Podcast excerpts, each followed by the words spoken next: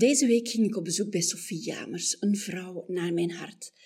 Er was een tijd dat ze verslaafd was aan speed. Er was een tijd dat twee flessen wijn per dag niet genoeg waren. In september 2017 wilde ze het helemaal anders. Gedaan met liegen, klaar om echt te gaan leven. Van roes naar realiteit.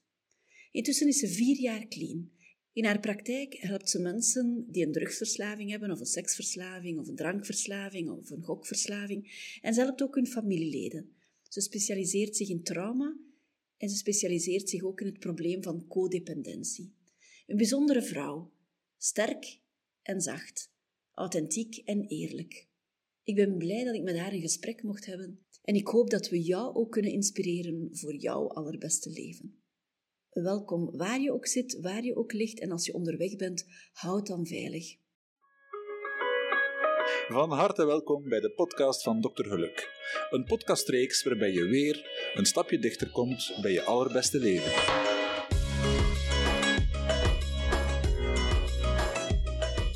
Oké, Sophie, mijn eerste podcast-interview uh, met, met jou dan. Ik heb jou gezien op uh, Alpha Vrouwen, zag ik jou passeren. En wat mij opviel, was eigenlijk jouw openheid. Zo, Dat je zo ja. direct zei van ik ben coach en ik ben ervaringsdeskundige. Klopt. En in mijn geval is ervaringsdeskundige van oké, ik ben gescheiden, hè, ik heb een carrière switch gemaakt, dus ik weet waarover ik spreek. Maar bij jou is dat wel ja, iets anders, toch wel meer een taboe zo meer, hè? Ja. Dat je doorbroken hebt. Dat klopt. Ik ben nu bijna 4,5 jaar nuchter van alcohol en drugs. Maar ik ben dan ook al wel 20 jaar hulpverlener en ik denk dat ik dan twee taboes doorbreek. Hè? Want uh, eerst en vooral verslaving. Verslaving bij vrouwen is uh, een onderwerp wat niet veel besproken wordt, maar al zeker niet bij een hulpverlener. Hè? Want wij mogen eigenlijk ook niet kwetsbaar zijn. En uh, ja, dus ik zit in herstel voor alcohol en drugs, maar ook voor codependency. En dat was een woord wat ik vijf jaar geleden nog nooit van gehoord had. En ik, toen ik daarover las, ging er echt een wereld voor mij open. Maar ik heb me jarenlang afgevraagd, maar denk ik nu gek? Of wat is er nu toch? En waarom verlies ik me zo? En waarom wil ik iedereen altijd tevreden stellen? En, Zit je in een relatie momenteel? Nu wel. Een, relatie? Ja. een jaar. Een nieuwe relatie dan? Een nieuwe relatie. Eerst een nuchtere relatie. Maar daarvoor ben ik eigenlijk lang alleen geweest. Maar toen ik nog aan het drinken was, was mijn derde bezigheid uh, ook tinderen. Niet dat ik zo elke avond met iemand anders afsprak. Hè? Helemaal eigenlijk niet. Hè? Ik leerde dan iemand kennen een paar maanden. Maar wat wel elke keer het patroon was, is van mijn focus lag direct bij de ander. Direct dat gaan helpen. Helpen, redden, maar ook overnemen, tevreden stellen, pleasen, zorgen voor.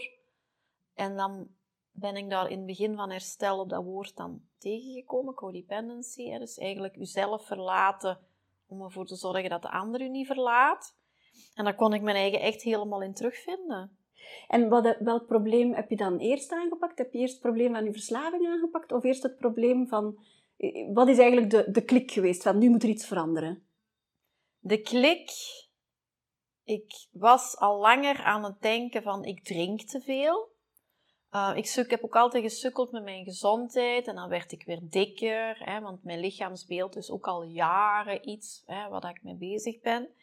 En op het allerlaatste uh, had ik echt zo, dan dronk ik twee flessen wijn op een avond.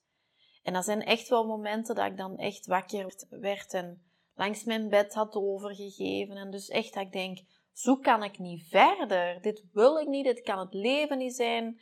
Dat is echt van, I'm tired of being sick and tired. Maar ik raakte daar niet uit. En spreek je nu over vier jaar geleden of is dat al Ja. langer bezig? Dat was toen, denk ik nu, vijf jaar geleden, Ja, was echt het hoogtepunt van mijn verslaving. Het hoogtepunt van je verslaving en het dieptepunt van je leven? Of is er nog een ander dieptepunt geweest? Er zijn meerdere dieptepunten geweest. Ik heb wel eh, een heftig leven achter de rug. Dat is denk ik al wel begonnen toen ik klein was. Dat mijn ouders, eh, die hadden een bondkwekerij.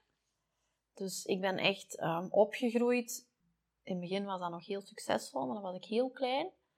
En dan daarna, een paar jaar later, kwam dan anti-bondcampagnes. ja. Dus ik heb dat allemaal, ik heb heel veel chaos meegemaakt en armoede en ehm, ouders die door een faillissement gingen daardoor. En als je nu terugkijkt, zou je dan zeggen van het stond bijna in de sterren geschreven in mijn kindertijd dat het zo ging lopen met mij? Of had je alles om een normaal, nee, voor zover dat iemand een normaal leven heeft? Ik denk dat de kern zit in een laag zelfbeeld en nu altijd anders gevoeld wel dan anderen. Toen denk ik dat ik heel erg mijn uh, moeder probeerde tevreden te stellen, Mhm. met goede punten te halen. Maar ik was heel jong toen ik met drugs begon. Hoe jong? 16 was ik. En dat ging toen ook over mijn lichaamsbeeld. Hè. Ik voelde mij dikker dan de anderen. Terwijl als ik nu foto's van toen terugzie, dan denk ik... Maar in mijn hoofd had ik allemaal grote, knappe, blonde vriendinnen. En ik was dan anders. En ehm, ik was heel jong, toen begon ik met speed. En dan gaat het natuurlijk van vermageren, hè. En is dat dan ook de reden dat je door blijft gaan? Dat je denkt van als ik ermee stop, dan ga ik terug verzwaren. Dus ik blijf doorgaan? ook. En ondertussen ontwikkelt zich gewoon een verslaving. Dat is heel lang een patroon in mijn leven geweest. Dat ik, ik ben altijd een hele goede student geweest. Maar dan nam die verslaving het over, werd dat erger en erger en erger. En op een bepaald moment zat ik in mijn laatste jaar verpleegkunde en werd ik dan van school gegooid. Ai. Omwille van die drugs. Ja. Ja. En was er toen ook al alcohol Nee. in je leven? Dat is maar nadien gekomen. Ja. Dus, dus eigenlijk de eerste verslaving was drugs? drugs. Ja. Ja. En ehm, dan ben ik wel terug uiteindelijk naar school gegaan. Hè. Ehm, maar dan ook heel snel mijn ex-partner leren kennen. Dat is de vader van mijn kinderen. En ik was ook een heel jonge mama. Ook misschien wel met het idee van, ehm, dat geeft mij identiteit of zo. Ja, dat zijn ook allemaal dingen die Mhm. ik... Of om je eigen knusse gezinnetje dan te hebben? ja, misschien zoiets. wel. Zo van, hè, van ehm, mijn partner, mijn ex-partner was iets ouder. Die was zes jaar ouder. Dus die was al dertig toen ik die tegenkwam. Dus die was ook klaar voor kinderen. Denk je dat je daarom op hem gevallen bent? Omdat hij jou die zekerheid gaf? Niet meer die onzekerheid van, gaat het hier lukken tussen ons of niet? Maar met jou willen kinderen, dat dat als muziek in jouw oren klonk? Of waren er andere dingen dat je Ik in hem denk zocht? ook... Hij kwam uit een gezin met ouders die heel erg aanwezig waren. Die toen, in mijn ogen, heel goed voor hem zorgden. Het veilige nest. Ja, toen voelde dat zo, denk ik. Achteraf bezien was dan ook niet zo en waren daar ook dingen, dat was dan weer te fel. Dus wat dat jou eerst aantrok, was nadien eigenlijk dan een bron van ergernis. Dan. Dat klopt. Ja, de balans sloeg wat over. Ja, ja. Als je nu zegt van, ik ben op mijn 16 begonnen met de drugs, had er iets kunnen zijn dat jou toen had kunnen tegenhouden? Waren er signalen dat je thuis gaf en dat je hoopte van, nu gaan ze mij hier... Ik weet niet of dat er iets anders had kunnen zijn. Ik eh, was zo ongelukkig met mezelf, denk ik. En daarvoor waren natuurlijk heel veel jaren van chaos geweest en onvoorspelbaarheid. En ik denk dat dat ook gewoon een vlucht was. En misschien als het thuis anders was geweest, dat, hè, dat mijn leven iets rustiger was geweest. En, en dat, ik heb misschien denk ik wel een stuk kindertijd gemist Mhm. ook. En wisten jouw vriendinnen ervan? Ik, had, want ik zat in het college in Beringen op school en ik had eigenlijk een heel goede groep van vriendinnen en die deden dat allemaal niet.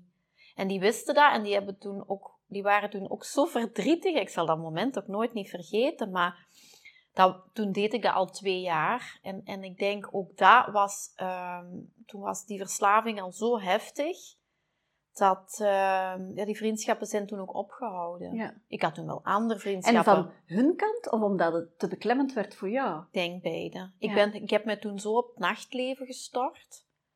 Dat, ehm, en daar heb ik nu ook nog altijd mijn beste vriendin Ah ja, van. toch? Hè? Ja, ja. ja, ja, ja, ja. Dus dat was niet oppervlakkig dan Nee, eigenlijk? al 30 jaar en, en daar ben ik nog altijd heel blij mee. Alleen ik denk soms wel toen van, ja, als ik toen niet zo eh, met de drugs bezig geweest was, ehm, zouden die andere vriendschappen dan ook staande gebleven zijn. Maar ik deed toen echt heel domme dingen, ja. Mhm. Ja.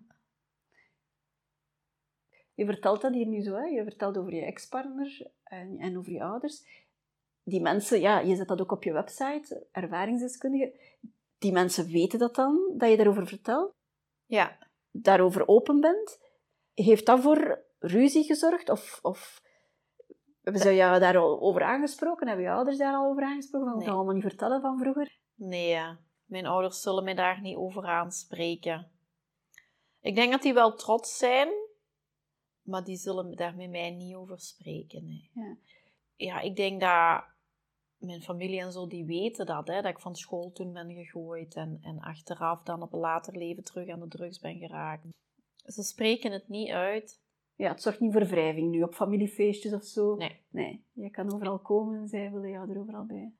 En, en de relatie met je ouders, heb je daar moeten aan werken? Dus in heel dat traject, hè, die, die laatste vier jaar, ben je daar ook mee aan de slag moeten gaan? Om, om te gaan vergeven, om te gaan... Ja. Ja, dat is ook ter sprake gekomen allemaal. ja, maar niet met hun. Ze waren er niet bij, maar het is Nee. wel over hen Ja, ja, gegaan. ja, ja, ja, ja, zeker. Ik denk dat er eh, heel veel boosheid zat naar mijn ouders toe. Maar ik heb uiteindelijk ook moeten erkennen dat ik ook niet de ideaal dochter ben geweest. En ik heb nu meer acceptatie van het is wat het is. En, en ik werk heel hard aan mezelf en ik probeer met mijn kinderen het anders te doen. Maar ik kan ook niet meer zo in, in ehm, boosheid of wrok, want dat levert allemaal gevoelens op die, die, waar je Ja, ook niet verder mee komt. En jij hebt het nu over, over je kinderen, die zijn nu 18 en 16. 16. Ja. Hoe confronterend is dat om te zien dat die beginnen uitgaan, dat die naar fuiven gaan, dat die ja, iets drinken? Ja, ik moet zeggen, die zijn heel open. En ik ben ook heel open. En ze zijn alle twee ander. Hè. Mijn zoon is, is eh, iets meer gesloten als mijn dochter. In het begin vond ik dat wel eh, pittig. Maar ehm, nu merk ik wel dat... Ik denk, kinderen doen het goed op vertrouwen. En, Die eerlijkheid bedoel je dan, Ja. die er is tussen jullie? en die lopen toch hun eigen weg. En het belangrijkste vind ik dat, ik, dat die bij mij terecht kunnen. En eh, dat eigenlijk alles er mag zijn. En ga jij extra, meer dan dat, je, dat iemand anders of dat jouw vriendinnen zouden doen, ga je extra controleren of signalen gaan opzoeken van Nee. wordt er gerookt, wordt er, Nee. hoeveel drink je? Dat Nee. doe je allemaal niet. En Juist niet. bewust dan? Of kost dat moeite? Of is dat, dat kost geen moeite? Nee. Ah, want ik zou verwachten dat jij eerder zo bezorgd bent dat zij nooit verslaafd geraken, dat je daar Dat is niet extra... Nee. Dat kan ik hun niet van behoeden. En ehm, ik, ik spreek heel open over mijn herstel. En die weten heel goed, of die weten best veel van dingen die dat ik heb meegemaakt. En ik kan hun daar niet voor behoeden. En dat wil niet zeggen dat ik niet, ooit niet bang ben of, of eh, er niet over spreek met mijn vriend of zo. Maar ja, dat is iets wat ik ondertussen geleerd heb. Van ik kan er bovenop zitten, maar dan nog maken die hun eigen keuzes. Oké, maar dat zeg je nu met je verstand, maar het zou kunnen dat je moet inhouden daarvoor. Dat kost u eigenlijk geen moeite om niet paranoïde te gaan reageren dan. Nee, eigenlijk in tegendeel, want bijvoorbeeld mijn dochter, mijn zoon woont meer bij zijn papa, hè? maar mijn dochter, die gaat werken, die ging de zaterdag uit, die heeft geen uur van thuiskomen en toch is die op tijd thuis en, en, en is dat meer van hoe laat gaat het thuis zijn en dat die zich daaraan houden. Als zo heel dat controlerende. Maar ook wel aanwezig zijn. Want je kunt ook ehm, je kind volledig loslaten. Ik bedoel, eer dat onze Amelie thuis is, slaap ik niet, hè? Ja. Dan kan ik niet in slaap geraken, hè? Maar ik vertrouw er wel op dat die de gezonde keuzes maken. En hebben zij geleden onder die verslaving? Ze zeggen van niet, maar ik ben natuurlijk op latere leeftijd ehm, terug met drugs in contact gekomen. Hoe bedoel je, hoe, hoe oud was hij dan? Ehm, toen was Amelie pas geboren en dan, ehm, dat was een huilbaby. En ja, het een heeft niet met het ander te maken, maar ik ben dan eh, met oude vrienden terug in contact gekomen en die gingen nog uit, want ik was een jonge mama. En dus, ja, daar terug in gerold. En dan is mijn partner dat te weten gekomen en, en dat ik terug aan de drugs zat. En zo zijn we ook uit elkaar gegaan. En dat was ook wel een lastige scheiding. En dan ben ik gestopt met de drugs. En dan ben ik gaan drinken. Maar Ja. daarvoor had ik nooit gedronken. En hebben ze afgezien van de alcoholprobleem? Zij hebben dat nooit... Zij zei, de dag dat ik zei van ik stop met drinken, vonden die dat heel raar. Ah ja, dus dat is niet de verhalen van Lazarus op de grond liggen of uh, mama Nee. moeten ondersteunen dat ze niet meer naar haar bed Nee. geraakt. Ook. Nee. Z- Zij hebben dat eigenlijk niet gemerkt. Ja. Juist niet, want die, ik ben altijd een functionerende verslaafde geweest. En daarom spreek ik er ook over. Van, van die beelden, die zijn er. Hè? Die, die, die vrouwen zitten ook bij mij op de meeting, waarbij dat die kinderen dat hebben moeten doen.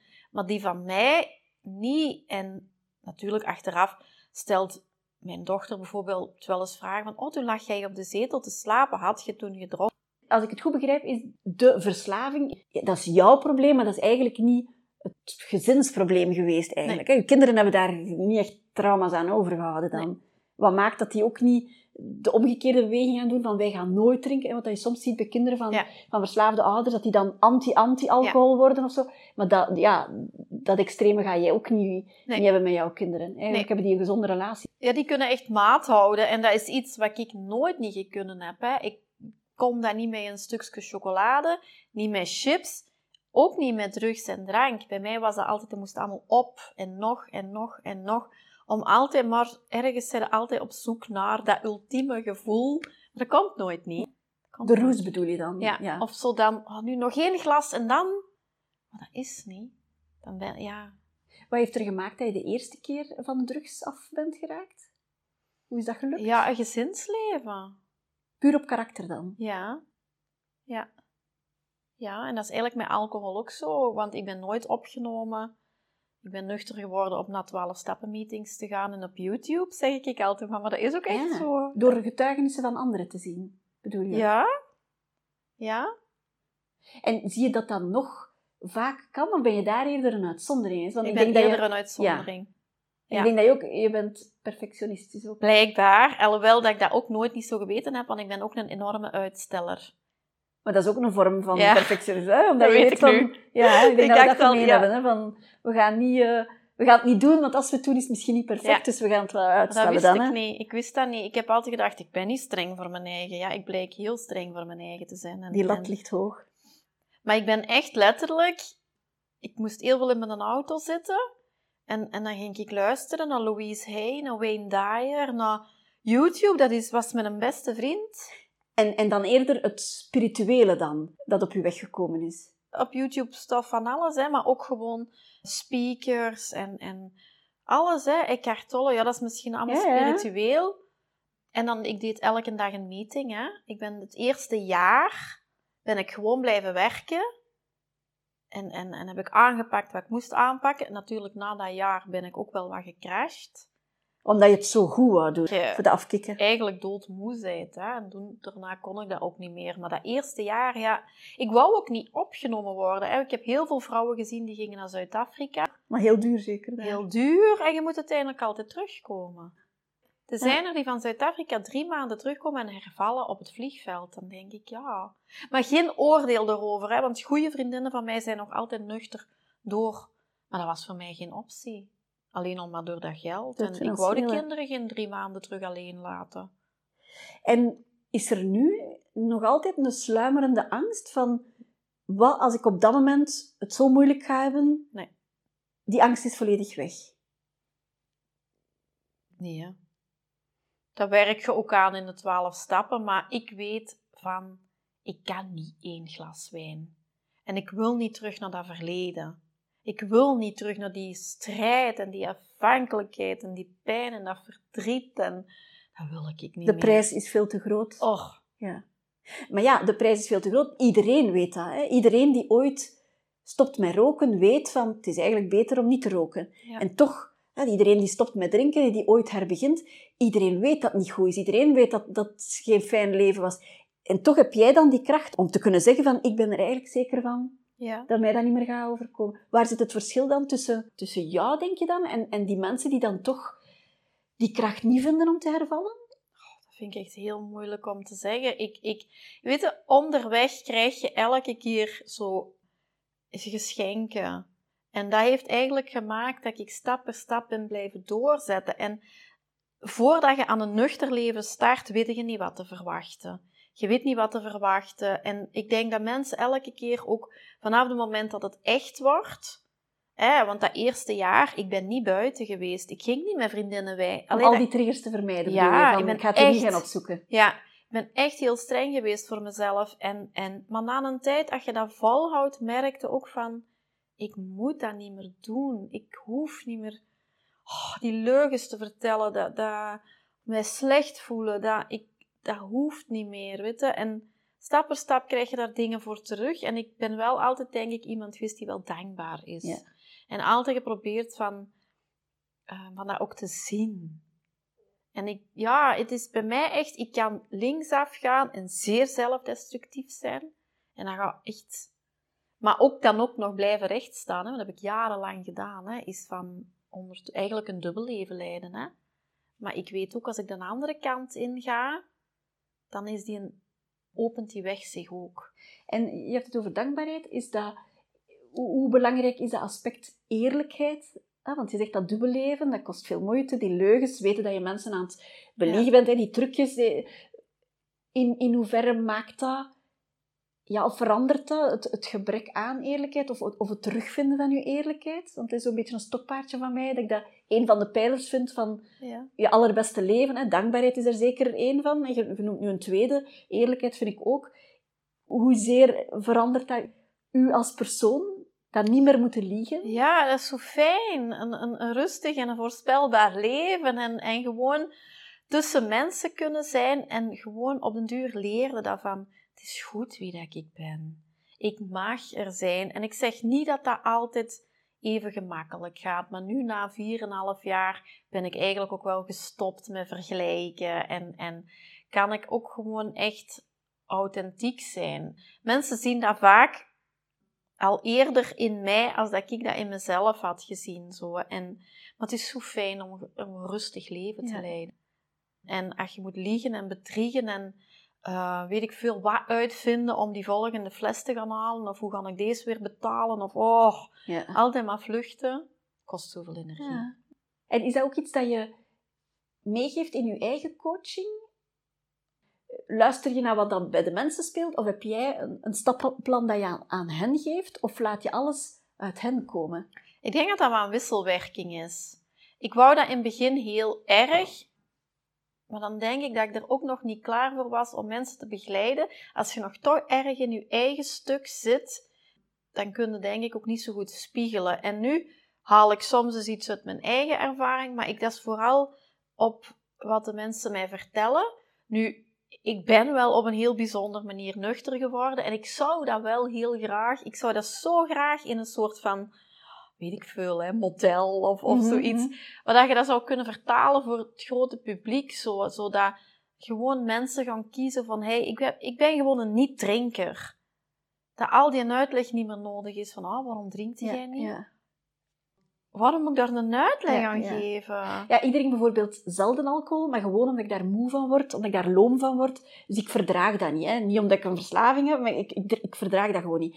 En ik merk zelf al, op elk feestje, je moet daar inderdaad altijd een uitleg aan geven. Terwijl Echt? als je vraagt iemand een stuk taart en, en er antwoordt ik ben iemand voor mij niet, Nee. daar vraag je geen uitleg. Ja, hè. Dat, nee, dat, dat nee, wordt niet gevraagd. Hè, van, Ja. Je bent toch niet dik, waarom niet? En, Ja, maar bij alcohol, inderdaad, dus dan vraag ik me altijd af, dan eh, valt me dat altijd op van hoe moeilijk moet dat zijn voor iemand die daar wel een probleem mee heeft. Want ik heb niets te verbergen, er is daar geen taboe of er is daar geen, geen drempel die ik over moet om iets te gaan bekennen. Maar dan denk ik, moet je daar altijd niet triggeren als je dat merkt op feestjes. Niet alleen voor jezelf, maar dan omdat jij weet van misschien zijn hier nog andere mensen die nog niet zo ver staan als ik, die ook wel terug moeten die nee zeggen. ja. Ik heb ook het idee soms dat de ander meer oncomfortabeler is als ik. Maar dan weten ze het van jou, bedoel je? Ja, maar dat was in het begin ook zo. Of als ik niemand nieuw, of iemand nieuw leer kennen, van, oh, drinkt jij niet? Ah ja, En, ja. oh, vind je dat dan ambetant dat ik niet drink? Nee, nee. Maar dat vind ik dan wel interessant, want ik heb dat niet, hè, dat, dat de ander zich oncomfortabel voelt. Dan vraag ik me af, is dat dan echt zo, of denk je dat?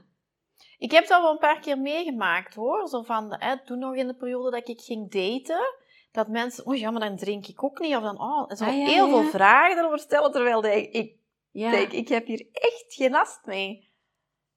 Anders zou ik me daar ook niet aan blootstellen. En nu, maar dat is natuurlijk ook tijd, hè.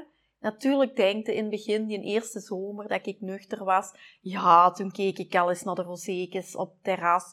Maar nu is dat, ik ben een niet-drinker en ik denk van, ehm, het is veel gemakkelijker om dat zo te bekijken als, als die strijd telkens of denken van, oh, ik verlies iets. En welke raad zou je geven? Ik heb nog patiënten gehad hè, die dan aan het afkicken waren of afgekikt waren en die dan hervielen. En bijvoorbeeld, ik herinner mij nu een man en dan zei die, ja, sorry Saskia, het is misgegaan. Op mijn, op, het was receptie op het werk, nieuwjaarsreceptie. En ze stonden daar alleen maar met wijn en ik dacht, hè, voor het gemak, oké, het kan een uitvlucht geweest zijn, maar welke raad zou je dan geven? Iets simpel of iets om direct alles af te blokken? Van mensen zeggen gewoon dat en, en de kous is af. Je skipt daarmee heel die uitleg of heel die Ja, of skip die receptie. vragen.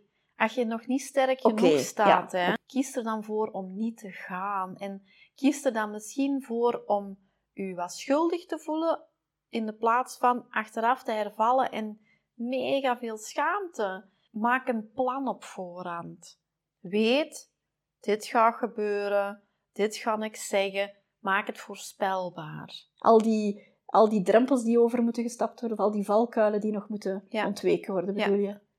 Ik kan me voorstellen, zelfs als je alles skipt eh, van sociale activiteiten, dat je gewoon in je dagelijks leven een tegenslag, Ja. je pot mayonaise valt uit je handen, dat, dat alles een trigger kan zijn om, Alles. om En te het- zeggen, voert, hè, ik ga het zijn bent ook-. Ja, het zijn ook niet de grote dingen hè, waar dat mensen op hervallen. Hè. En ik denk dat dat in het begin herstel is leren omgaan met leven zoals het is. En vroeger had ik bij wijze van spreken een glas rosé nodig om naar de brievenbus te gaan. Hè. Ik, ik heb ook alles opnieuw moeten leren. Dat is heel raar, maar in het begin, ik kon mij niet meer schminken. Dat is heel raar. Dat eerste jaar was echt, dat ik denk, wat is er aan de hand? En wat bedoel je, omdat ineens die filter van die Ja. roes weg was? Ja, je bent ineens heel Te bewust of zo? Ja. En ik denk dat ik altijd heel gevoelig geweest ben.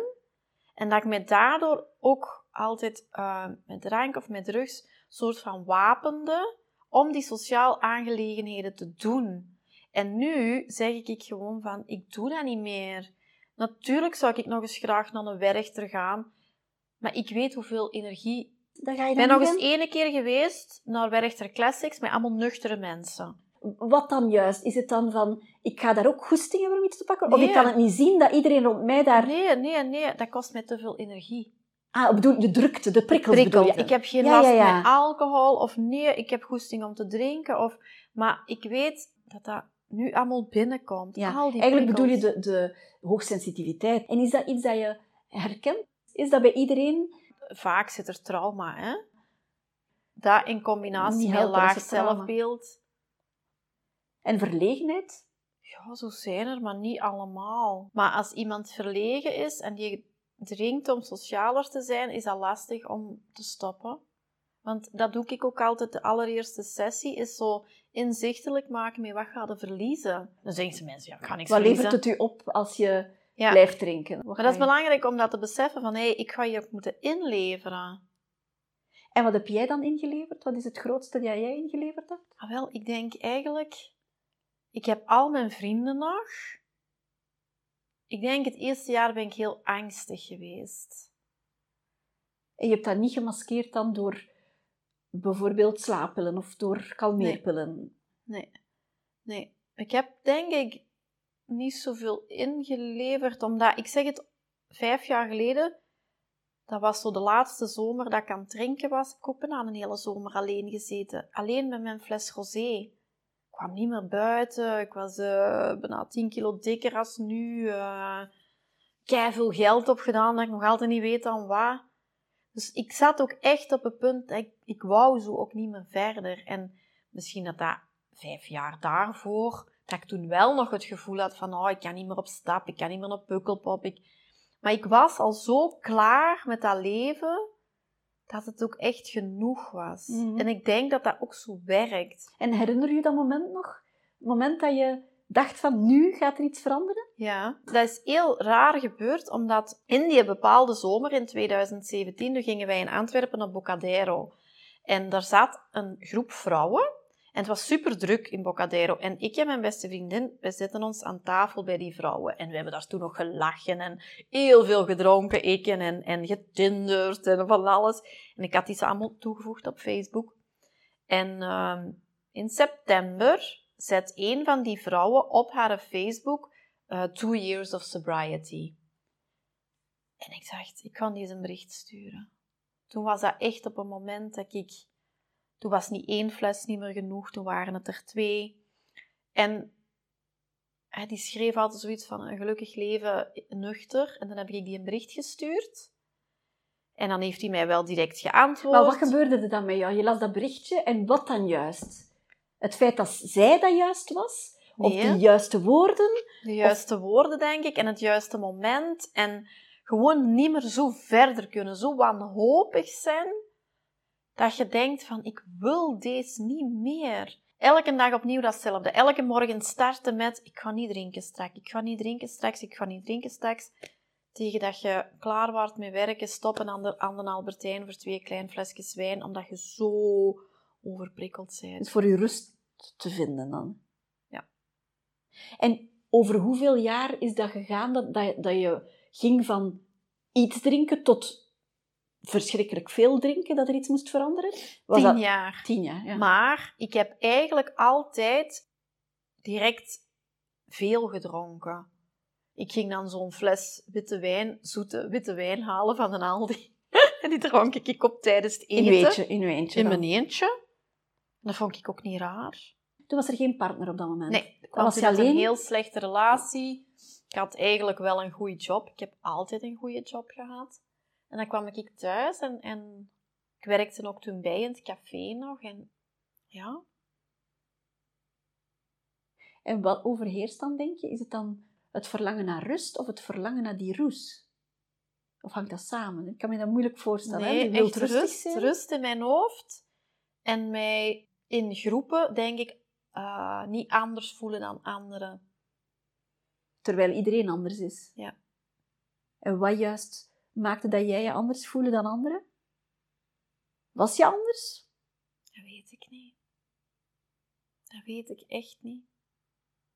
Ik ben altijd wel iemand geweest, denk ik, zo wat van het vergelijken en altijd gedacht van, ook toen ik klein was, van, oh ja, en die hebben alles en ik heb niks. En, en, en, dus opkijken naar ja. dan.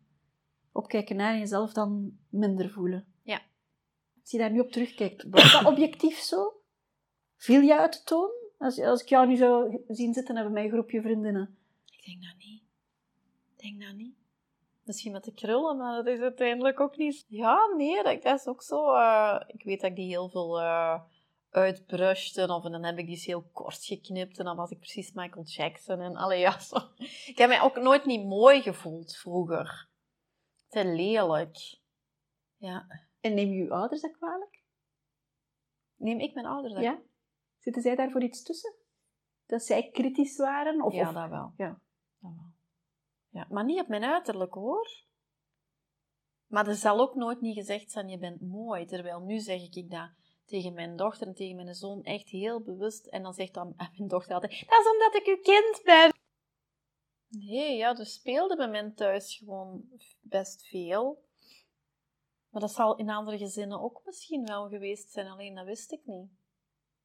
Financieel, uh, ik heb echt wel armoede meegemaakt. En, en, en, en, twee ouders die dan wel hun best deden, denk ik, maar, maar met andere dingen bezig. En wanneer is het moment gekomen dat je dacht, Sofie, van ik ga daar nu iets mee doen? Hè? Want oké, okay, je eigen traject, hè, je eigen leven, het moet hier anders. Oké, nu zit ik hier met een coach te praten ik voel dat er van alles uh, borrelt en bruist. Van, ik, ga daar, ik wil daar meer mee doen, ik wil misschien een eigen programma. op welk moment heb je dat gevoeld? Van nu, nu ga ik daar ook anderen mee helpen? Ik ben eigenlijk heel snel beginnen delen over mijn herstel. terwijl in de twaalf stappen heb je een traditie die spreekt over anonimiteit. Ik heb, die, ik heb dat denk ik nooit. Uh, ik, ben, ik ben altijd heel open geweest. Omdat er zo weinig gepraat wordt over verslaving ik denk niet dat er in het begin een bedoeling achter zat. Het was niet van als ik het, uh, als ik het openlijk vertel, dan moet ik er mij wel aan houden, want nu weet iedereen. Dat kan. Ik, ga... ik denk niet dat ik dat zo toen allemaal bewust... bewust nee. nee.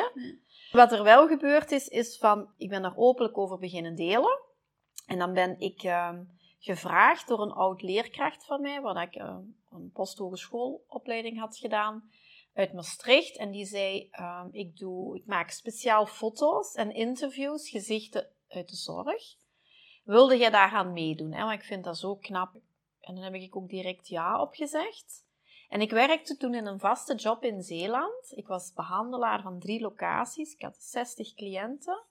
En uh, dat artikel is verschenen en ik ben daarvoor ontslagen. Ja. Omdat je te open was ja. over je privé. Ja. Dat, hè, want het is natuurlijk dat stuk van drugs en drank, dat zouden ze misschien nog. Hè, Terwijl dat je op dat moment al afgekikt was. Al drie jaar. En toch ontslagen. Ja. Ja. En dat overkomt u dan. En op dat moment zijn ze ook bezig met overleven, maar op geen enkel moment heb ik gedacht van ik ga terug drinken. Maar dat heeft toen echt wel ervoor gezorgd van, ja, want ze vroegen dat toen, hè, van je kunt blijven, maar dan moet het artikel verwijderen. En toen heb ik direct gezegd dat dat doe ik niet. Terwijl ik denk achteraf, waarom heb ik dat er toen niet afgehaald? Maar ze, ze waren toen heel onaardig. En... We gaan je ontslaan en dat ja. wel. Ja. Terwijl ik deed mijn werk daar heel goed, hè. Twee locaties van de grond op opgericht. En was het dan eerder het omgekeerde? Van nu voel ik me nog meer gemotiveerd om te gaan getuigen? Of heb je dan een periode gehad dat je dacht, ik ga niet meer aan de grote klok hangen? Ja, dat moet ik wel even zeggen van dat dat wel, ja, dat haakt er wel in, hè. Zoiets, hè. want je komt uit voor wie je zijt en je wordt er eigenlijk voor afgestraft. Maar dan daarna, weet je, ik, ik geloof er echt in dat dingen gebeuren. Ehm, dat heeft mij ook weer uh, ervoor gezorgd dat ik volledig zelfstandige werd. Dat ik opleidingen kon gaan doen. De ene deur ging dicht en de andere ging open. dat is echt, hè. Ja. En, geloof je in het universum? Dat het universum voor jou die dingen ja, klaar zet? dat wel. Ik vergeet dat wel soms. Maar ja, ik geloof er wel in ook. Dat klinkt uh, vlug zweverig, hè, als je zoiets zegt tegen andere mensen van eh, het universum zorgt wel voor u, of het is dat zo moest zijn. ja, je moet zelf ook een stuk doen, hè? Tuurlijk. En je verantwoordelijkheid opnemen. En het goede willen ook, hè? Ja. En ergens ook kunnen kijken van wat is de les en niet van waarom word ik gestraft nu er gebeuren niet zo fijne dingen bij sommige mensen. En daar heb ik ook geen uitleg voor, weet Ik denk niet dat je dan gestraft wordt als iemand ziek wordt. Dat weet ik niet. Ik had zo'n patiënt die had eh, ALS op jonge leeftijd. Ik heb daar euthanasie bij gedaan. Of bij helpen doen. En die drie zonen, en die kreeg ALS, maar een hele snelle vorm. En die zei, in een van haar laatste gesprekken met mij, zei zij... Ze had ook vier zussen nog. Uh, zij was de tweede oudste. En zij zei, ik, ik zeg, ben je nooit zo verbitterd nu? Want eh, hoe, hoe, erg kan het zijn om je gezin te moeten achterlaten? Hè? En zij zei, ik denk dat ik de enige ben die het kan dragen. Dus ik denk dat het mij moest overkomen omdat ik sterk genoeg ben om het te dragen. Ja, ja daar ben ik ook een heel erg fan van, hè, van familieopstellingen. En gewoon inderdaad kijken van welke rol, wat mm. draag jij inderdaad. En... Ga jij met, met, met cliënten aan de slag uh, met terug naar het kerngezin te gaan? Altijd, ja. Altijd. Welke boodschap heb je gehad? Welk patroon mm, heb je daar ontwikkeld? Dus eigenlijk heel veel met bewustzijn hè? en dan een stukje gaan voelen. Hè? Dus ehm, ik doe eigenlijk ja, van alles wat een beetje zo. Hè. Ik ben een beetje een huisarts, zeker, die doen dat ook. Hè. Zo wat puzzelen. Ja, en, een beetje à la carte ook. En ik, vroeger vond ik dat dan heel belangrijk om zo heel duidelijk te zeggen wat ik dan juist deed. Maar mensen komen toch terug. Want ik zit hier nu van december en ik heb eigenlijk al geen ruimte meer. Dus, maar ik kan wel terugvallen op een leven vol ervaring. En ja, ik denk dat dat jouw kracht is. Hè? Als ik zou moeten kiezen tussen, ja, tussen twee coachen en ik heb een verslavingsproblematiek, ja, dan ga ik wel bij iemand gaan die weet waarover. Ja, ik ben ook een van de weinigen die dit doet. En als vrouw zeker waarschijnlijk nog? Ja, maar ik heb ook vrouwen bijvoorbeeld met liefdesverslaving. Hè?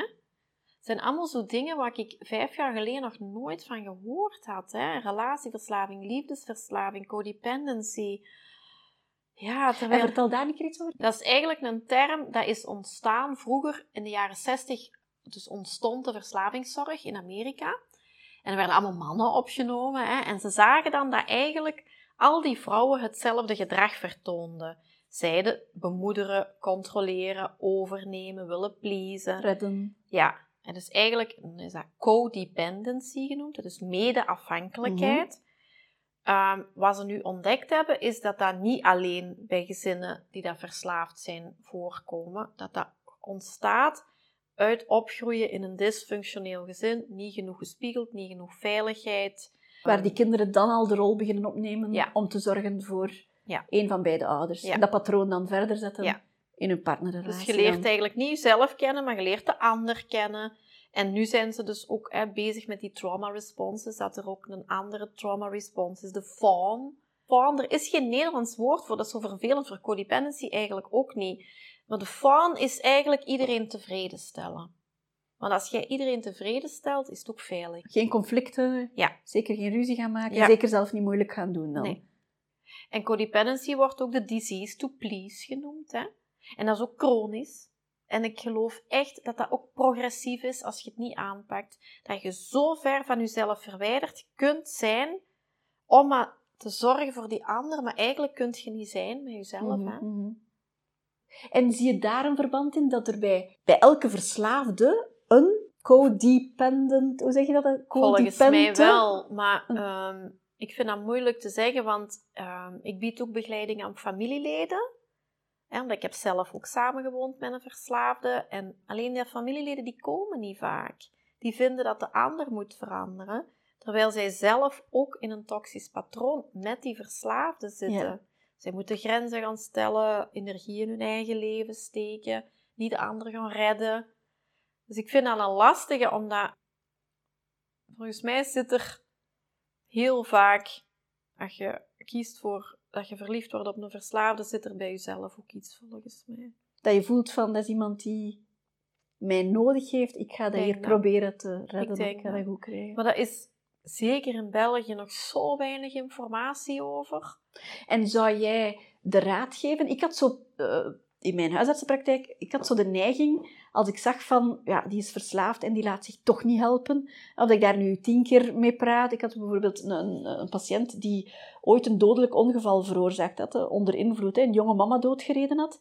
En zelfs nadien was die nog niet... Ik heb daar uren mee gepraat en mijn collega zei, wat wil je daar nu nog uw tijd in steken? Die verandert niet. Hè? Maar ik dacht van, ik moet die toch gaan overtuigen dat nog het moment is en dat die kinderen nu gaan wegblijven. Dat drie jonge kinderen. Die mama wou niet, zolang als die papa dronk, dat die kinderen bij hem gingen. Enfin, dat, dat hielp allemaal niet.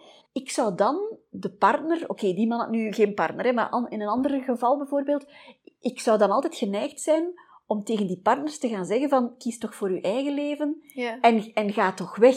Maar, maar die, die willen dat niet horen, natuurlijk. nee, hè? en ga toch weg is, ja, dat is sowieso een advies, denk ik. Als jij zo bezig bent met iemand te redden en, En die, idee is hebt liefde, of, of die denken toch dat het ja, liefde is. dat je die op je rug kunt nemen en redden, En welk daarom- advies zou je dan geven van echt wel met hen aan de slag te gaan? Ja, ik denk verslaving is een familieziekte. En ze moeten altijd eigenlijk alle twee komen, de verslaafde en zijn partner of moeder en kind of hoe dan ook. Omdat eh, familielid gaat ook door dezelfde rollercoaster. Hè? Die gaan ook eh, Hoop en verwachting hoop, maar ook manipuleren en- van als je nu niet drinkt, dan... Ja, ja. Hè? Dus die gaan door datzelfde patroon. En vanaf het moment dat die dat inzien, moeten die gaan grenzen stellen, maar ook gaan werken aan de leegte dat zij niet willen voelen. Dat is, ja, De leegte die komt als ze niet langer meer moeten helpen, bedoel Ja. je? Ja. en En is dat makkelijk dan, om dan tegen iemand te zeggen die bij jou komt van ja, het zou toch goed zijn dat je partner ook eens meekomt? Kan je die gemakkelijk overtuigen? ik zie heel weinig familieleden. Echt waar. Ik, ehm, en de meeste mensen wat hier komen, ja, daar zie ik de partners niet van. Nee. Ik zag die dan wel, maar dat was dan met, met, ja, met andere vragen. En dan de deurklinkvragen op het einde van, ja, het is voor mij ook niet makkelijk, want hij drinkt weer. Of hij, maar dan eerder, ja, een beetje de slachtofferrol die bleef Ja, ja, dat, worden. Die, die, die bleef Ah, ja. worden zo. Hè. Altijd van, heb maar wat begrip voor mij ook, want ik heb het ook niet makkelijk. Ja, maar er gebeurde niets meer dan. het allemaal, dat levert iets op ook, hè. Ja, ten eerste al begrip, want och arme toch. Hè. Het moet niet makkelijk zijn om met zo iemand te leven. Maar ja, soms Mm. kwam het van twee kanten. Of was het... Ja. Of, of gewoon een slecht huwelijk, waar de ene begon te drinken, omdat de andere... Ja, ook uit... uit ik ga me dan wat beter voelen. Hè. Ja, maar ook met, met verslaafde kinderen. Hè. Je, ziet ouders die dat miljoenen geven om dat kind, maar terwijl aan de basis zit eigenlijk iets anders. Hè. Willen ze andere aandacht of andere erkenning Ja, dan en alleen een- maar een, geld? Ja, of, of dat er vroeger bijvoorbeeld te weinig aandacht is geweest, of, of eh, materialisme. Of, ja, dus, Ja, en ik denk dat het veel makkelijker is om tegen je vriendinnen te klagen van de zoon die er weer, eh, die het weer uithangt en aan de drug zit, dan te zeggen van eigenlijk hebben wij het vroeger al een beetje verknald. Hè? Dus ja, welke ouder wil dat toegeven? Of welke ouder? ja. En Iedereen- mensen zien dat ook vaak niet. Ja, hè. blinde vlekken. En, en ook, er is ook dan wel een reden waarom die ouders niet aanwezig waren hè, op dat moment. Of, of het niet konden, of het niet geleerd hadden. Of...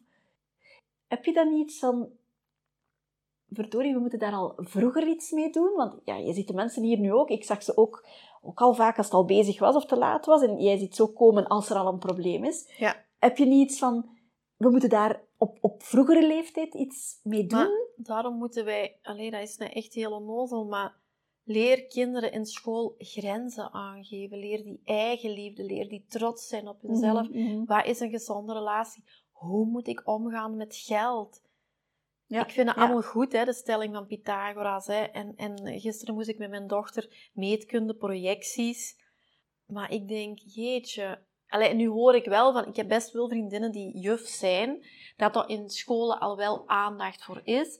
Maar ook bijvoorbeeld de gevaren van social media, hè, van Mhm, loverboy-problematiek, of ouders die in een vechtscheiding zitten, die geen aandacht hebben voor zoon of dochter, wat zich ondertussen verliest in jointjes roken. Of, eh allee, er zijn zoveel dingen waar we al in een vroeg stadium echt Ja. kunnen... Ja, en daar is dan weer geen lespakket voor. Hè? Nee. Daar zijn geen uren voor. Of Nee. in welk vak? Ah ja, om nu terug te komen op uw vraag van daarjuist, van wij doen zoveel wegmoffelen als Belgen. En als het er niet is, dan, hè, dan, dan zien we het niet. Er is geen terugbetaling voor verslaving nog altijd. Je moet, mensen moeten liegen tegen hun verzekering. Verzekering en en dan, zo. Dat was een van de redenen waarom dat ik hè, wel gezegd heb in het begin van ik ga erover spreken. Ik ben door zo'n hel gegaan.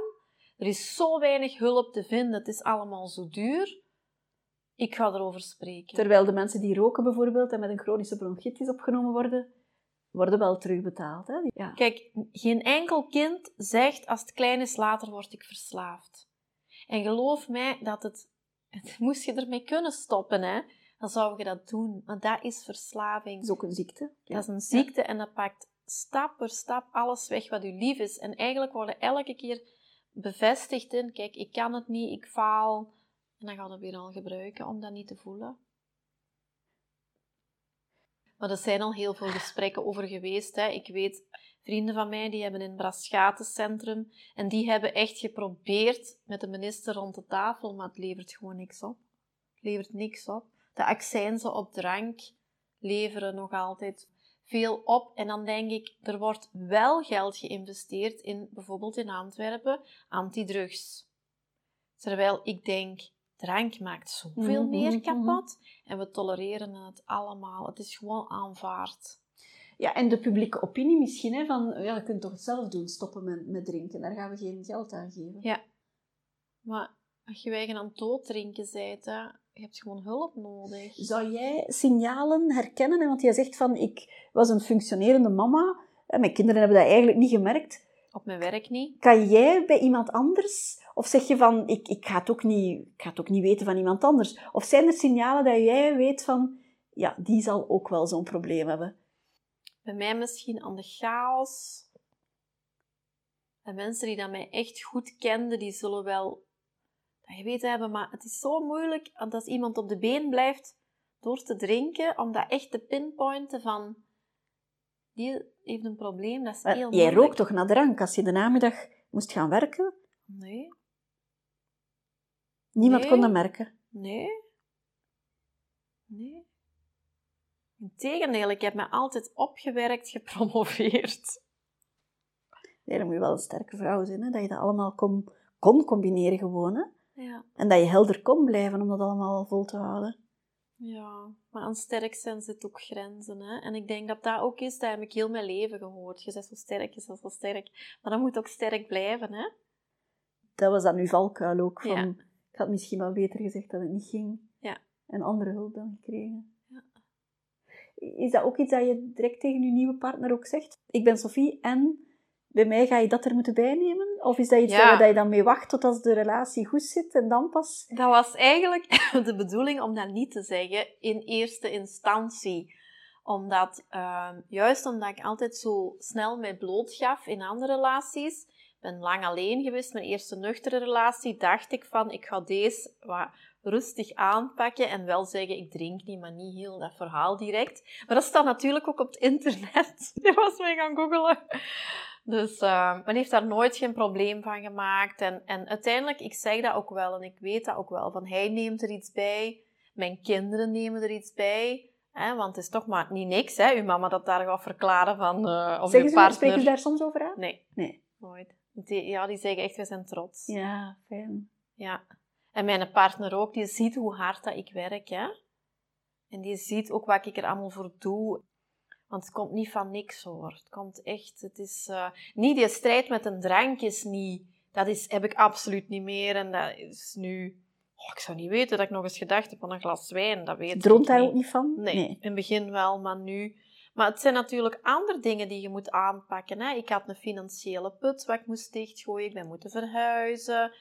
Spaargeld had ik niet. Hè? Dat heb ik ook moeten leren omgaan, omgaan met geld. Ik heb ook altijd zo een, een heel slechte huisvrouw, waar bij mij ook heel veel oordeel op zat. Hè? Want in mijn hoofd was altijd elke vrouw die daar geslaagd was, die kon ook goed het huishouden. Dan weet ik ondertussen ook dat dat niet zo is, maar dat zijn allemaal zo dingen die, waar je gaandeweg moet doorwerken. Hè? En ook een nieuwe relatie was spannend. Ja. Leven, maar dan zonder alcohol. Zonder alcohol. Lives, ja. Life on life's terms. En dat is het. Het zit hem in het echte leven. En dat leer ik hier mijn cliënten ook. Eerst het echte leven. En dan de diepte. Met het vallen en opstaan van de gewone dagelijkse de dingen. gewone dagen. Er kan zo'n moment zijn dat je zegt van, eigenlijk ben ik blij dat het zo gegaan is, want anders had ik nu niet...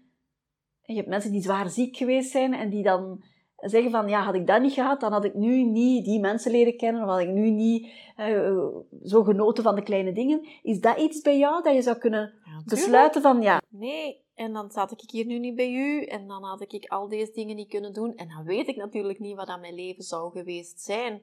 Maar ook die woorden kunnen uitspreken van, ik ben Sofie en ik ben verslaafd. Dat was zo'n rust. Want dat verklaarde ook zoveel. En dat kon ergens ook voor mijzelf. En ik heb dat nooit niet als een excuus gebruikt. Hè. Ik heb altijd de dingen aangepakt. En, maar dus weer die eerlijkheid ja, dan eigenlijk. mijn brein zo. werkt echt anders.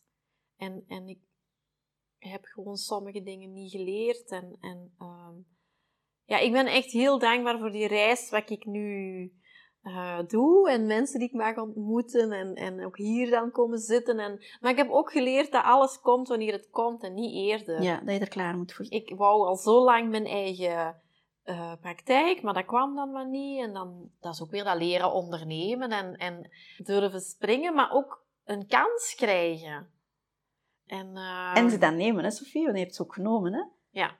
Heel veel mensen krijgen kansen, maar durven ze niet nemen. Of, of willen ze niet nemen, of, of blijven in hun slachtofferschap zitten van, ik ga het Ja. niet doen, want ik zou kunnen falen. Ja. Dat ook anders kunnen uitdraaien, dat je...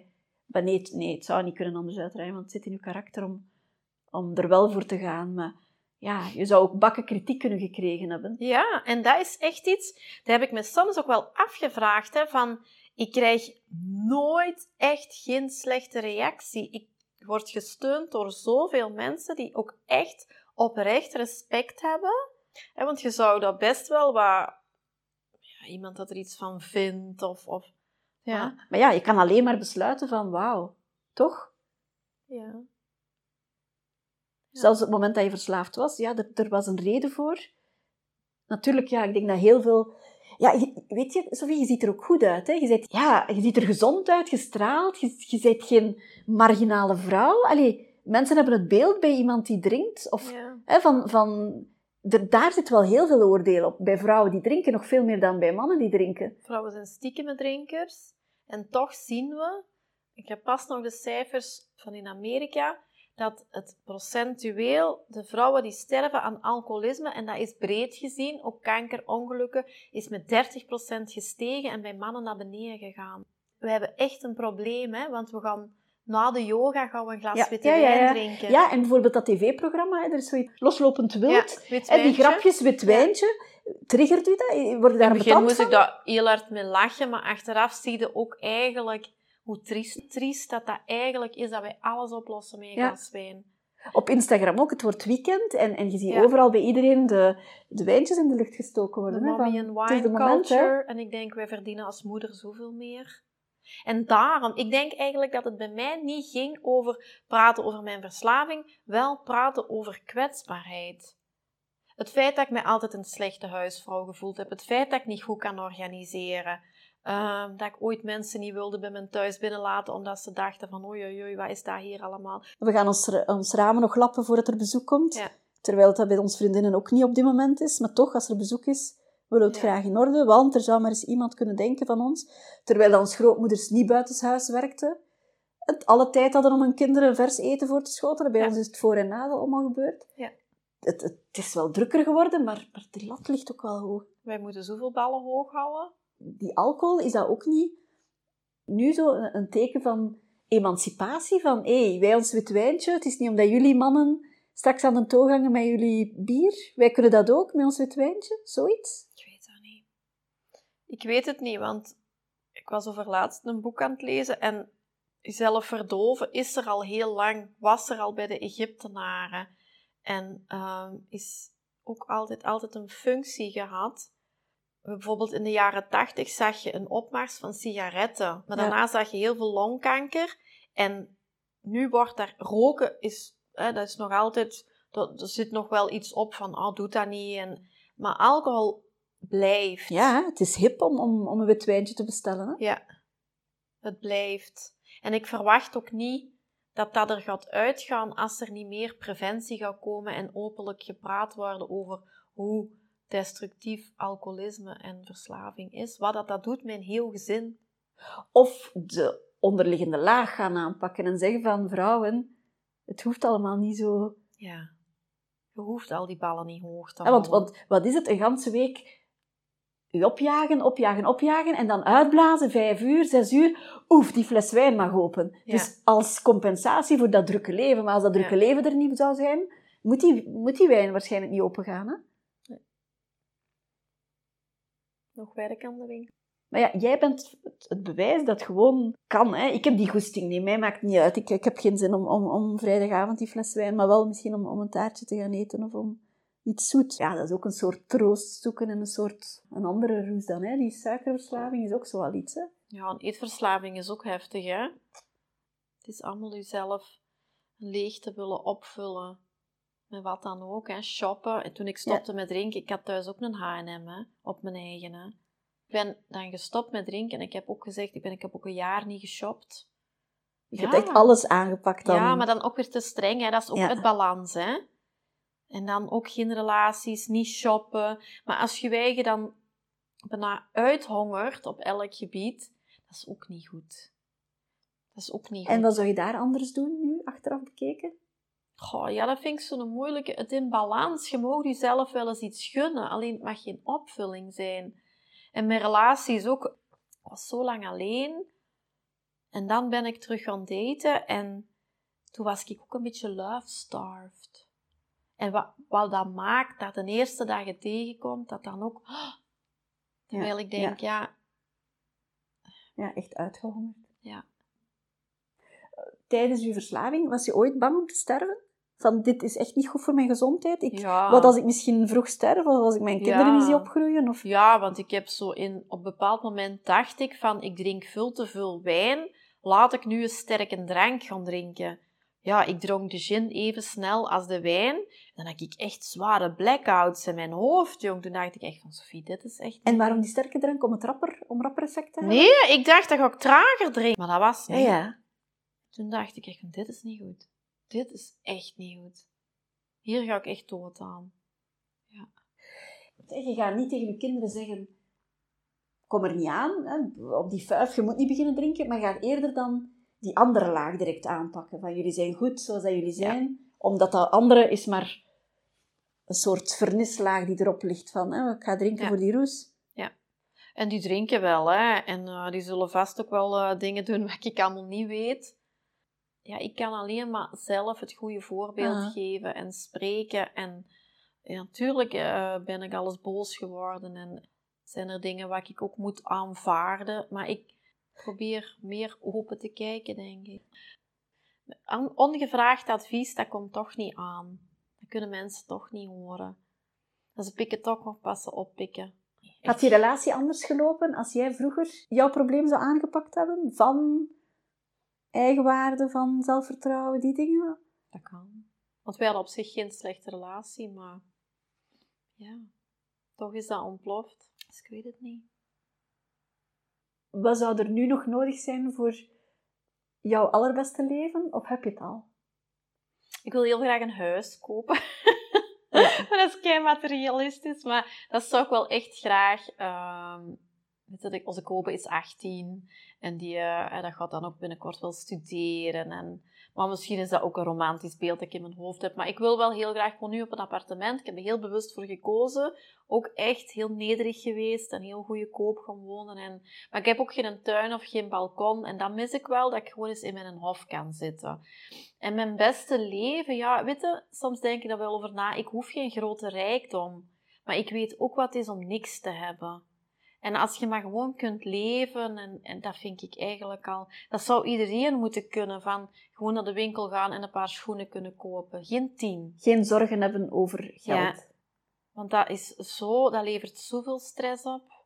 Aan mama's en papa's, denk ik. Dus mijn beste leven, ik weet dat niet. Ik, ik ben voor het moment echt gelukkig met mijn vriend en hoe dat mijn leven er nu uitziet. En zou ik graag hier nog iets meer mee doen? Ja, echt wel. Een groter publiek bereiken. Misschien op termijn iets minder hard werken. Het Maar- kan allemaal, hè? alles wat je nu opnoemt kan. Hè? Ja. Ja, want het hangt ook allemaal samen. Als jij meer ermee doet, nog een groter publiek krijgt, nog meer Ja. aandacht krijgt voor jouw missie, Ja. dan, dan, dan komt dat huis er ook. En dan komt al de rest hangt, hangt Ja. samen. Hè? Ja, want dat dacht ik vroeger ook zo, hè, van je mocht geen geld vragen voor het, maar niks is gratis, hè. En ik zeg het, ik heb mensen gezien die miljoenen aan hun kind, aan hun verslaafd kind gaven, hè. En dus daar heb ik ook die mindset ook moeten omzetten van dat iemand mij ook wel wil betalen. En dat dat ook niet voor niks hoeft. Ja, en het is ook iets waard. Hè? Wat is het hen waard Ja. om geholpen te worden? Hè? Ja. Maar je komt wel, hè, natuurlijk contacteren mensen mij met een lager budget. Ehm, en daar zou ik heel graag iets voor ontwikkelen. Soort misschien een online programma of, of iets wat toegankelijk is en wat ook echt niet alleen focust op stoppen met drinken, maar op die diepere laag. Ja. En, ehm, Er is een, op YouTube een filmpje van Abraham Hicks. En daar is ook een vrouw die zegt tegen hem... Ik kan u niet betalen, ik kan uw cursus niet betalen. Waarop dat hij antwoordt van... Als je het echt wilt, dan vinden wel geld. Ja. En dat is ook wel, dat hè. is ook Als zo. dat echt zo Ja. een sterke wil is om te veranderen, dan ga je een bijjob doen. Ja, Of dan ga je iets anders inleveren. Hè? Dus als het het u echt waard is... Ja, het is echt waardevol en een nuchter leven, dat is, niet, dat is niet meer geen geld te omschrijven. De rust en de regelmaat en alles en de reinheid Uh-huh. dat je dan hebt, dat is meer geen geld te dus wat is beschrijven. het hun waard om geholpen te worden, hè, om jouw hulp te krijgen? Ja. Ga je zelf nog in Ik coaching? zit nog in therapie. Dat heb ik ook even niet gedaan, omdat ehm, toen was ik heel erg bezig met dat ondernemen en opleidingen doen. En, maar nu heb ik dit eigenlijk en nu zit ik wel terug in een stukje therapie. Ja, dat wat vind ik ook- ook wel belangrijk. Wat ook belangrijk is, maar je kan maar je coachie laten groeien Ja. naarmate dat je zelf groeit. Amai, ik vind echt wel, wauw, uw traject is wel, allee, die authenticiteit is wel, dat is uw rijkdom al eigenlijk gewoon. Hè? Van hier Ja. ben ik, neem me hoe ik ben, en dit is wat dat erachter zit, dit is wat dat ervoor gekomen is. Ja, en Eigenlijk dat- ben je zelf je grootste reclamebord. ja dat is, en dat zie ik nu ook wel. Dat dat ook genoeg is. Ik zie dat ook op social me- media, hè? en dan word jij wel genoemd, Ja. hè. Ga eens bij Sophie, en Ja. dat is omdat jij gewoon, Ja. jij weet waarover dat je spreekt. Ja, en ook, ik wil het echt breder zien dan dat stuk verslaving. Weet je? Echt, dat codependency-stuk hoop ik echt nog meer onder de aandacht te brengen. Dat vrouwen zich daar gaan in- in herkennen en in herstel voor gaan. En, en stoppen met pleasen en die eigenwaarde. Dus we gaan zeker nog van u horen. En dan eh, uw volgende interview dan over uw boek en zo, dat gaat dan zijn op uw balkon of in de tuin. Hè? Goed? Heerlijk. Afgesproken? Ja, heerlijk. Ja. Merci, Sophie. Ja, graag wel, eh, gedaan. ik heb veel van u geleerd. En vooral omdat je het zelf doorleeft. Graag gedaan. Dank u wel. Voilà, dit was de eerste aflevering van Dr. Geluk met een gastspreker. Ik hoop dat er nog veel inspirerende gasten volgen. Ik hoop dat Sophie Jamers jou kunnen inspireren heeft. De gegevens over haar praktijk geef ik mee met de show notes. Je kan haar ook vinden op haar Facebookpagina Sophie Jamers. Ik ben heel erg benieuwd als je er iets aan hebt. Geef dan alsjeblieft een review aan deze podcastaflevering. Je kan mij eh, sterren geven bij Apple Music of je kan een review schrijven. Je kan deze aflevering ook delen met je vrienden of met je vriendinnen of met je partner. Abonneer je, zo kan ik naar boven gaan in de ranking en geef mij een, eh, een review. Oké? Schrijf mij, mail mij, laat mij iets weten. Je kan mij bereiken op Instagram, je kan mij bereiken op Facebook. Je kan naar een inspiratieavond komen. Je kan je inschrijven voor je nieuwsbrief. Je vindt mij terug op www.doktergeluk.com. Ik ben er terug volgende week. Houd veilig, houd gezond en houd vooral gelukkig. Dag!